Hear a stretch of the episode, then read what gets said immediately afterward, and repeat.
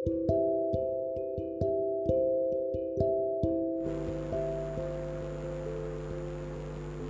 semua apa kabar?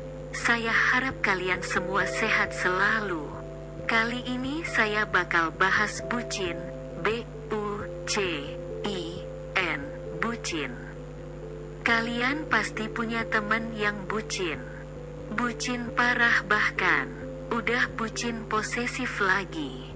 Atau jangan-jangan pacar kalian juga bucin plus posesif, Ya gak apa-apa juga sih gak salah kok kalau kalian bucin dan posesif. Itu pilihan kalian. Pesennya gini. Kalau pilihan kalian seperti itu kalian harus jalanin dan terima resikonya. Karena biasanya, ketika kalian berekspektasi dan ekspektasi itu tidak sesuai dengan realita, kalian pasti akan kecewa. Itu resikonya.